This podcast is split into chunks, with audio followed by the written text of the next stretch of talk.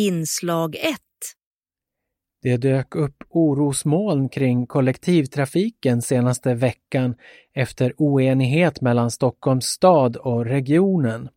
Först såg det ut att bli ett fyra dagars stopp i all tunnelbanetrafik förbi Slussen och Gamla stan eftersom de två parterna inte var överens om hur bygget av en ny cykelbro påverkar tågens säkerhet. Men i sista stund kunde man undvika att stänga ner trafiken, berättar SLs pressansvarige Claes Keisu.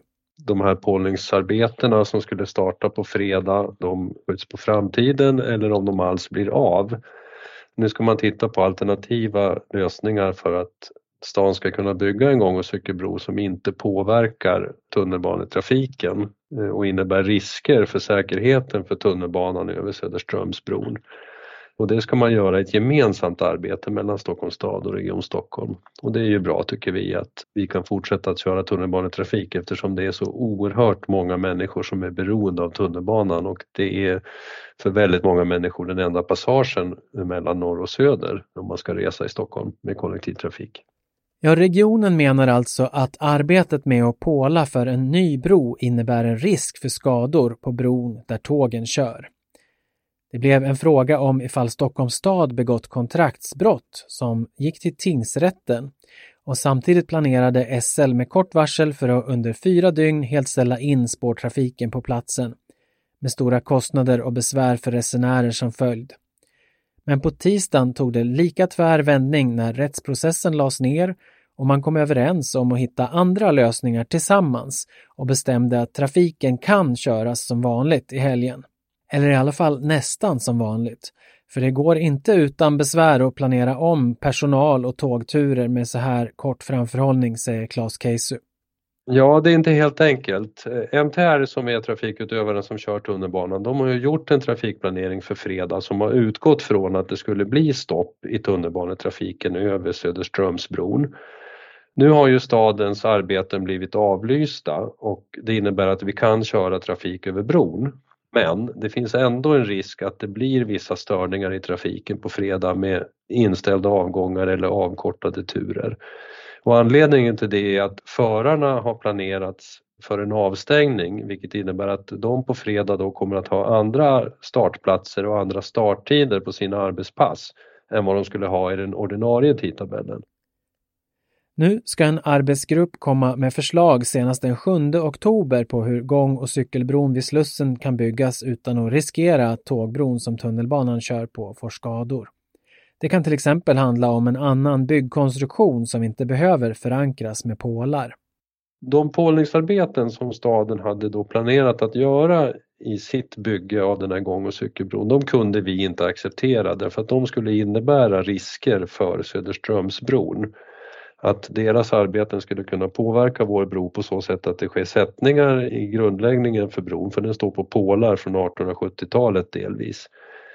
Pålar av trä eh, som, som sitter fast i gyttja, de går inte ens hela vägen ner till berggrunden utan när man rör om i det här i bottnen så att säga i närheten av vår bro så finns det uppenbara risker för att vår bro skulle påverkas så att man får sättningar som kan innebära skador på bron som tar väldigt, väldigt lång tid att reparera vilket skulle innebära förödande konsekvenser för stockholmarna under, under väldigt lång tid. Som du beskriver den här bron, är det säkert att, att fortsätta med en sån bro utan att liksom göra några ytterligare förstärkningsarbeten om det är så gammalt pålningsarbete och det inte är förankrat i berget? Men kommer det hålla ändå för att bara köra på så att säga? Bron har hållit sedan man byggde den här tunnelbanebron på 50-talet och den är stabil och säker som den är nu. Det vi har varit oroliga för är att stadens arbeten, närheten av bron, skulle kunna påverka bron. Så många som 350 000 resenärer varje dag passerar den här delen av tunnelbanan, så det är sårbart om något händer. Och det är bland annat därför som SL ska bygga en ny tunnelbanelinje mellan Fridhemsplan och Älvsjö. Och det har redan blivit avlastning på trafiken när tågtunneln till pendelstationen Stockholm city öppnade för sex år sedan.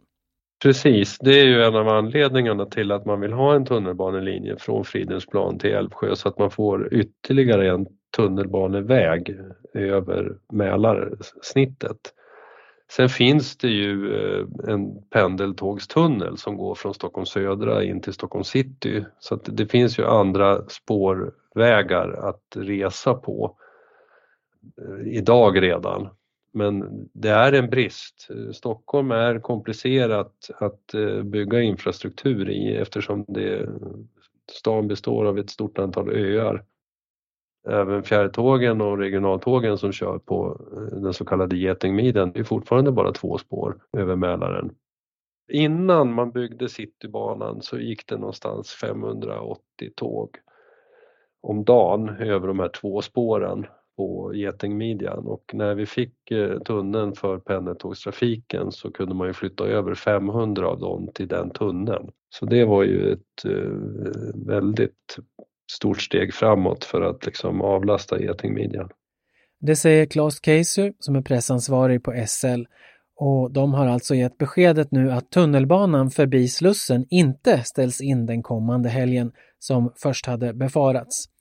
Hur Stockholms stad ska gå vidare med bygget av gångbron vid Slussen ska meddelas senast 7 oktober.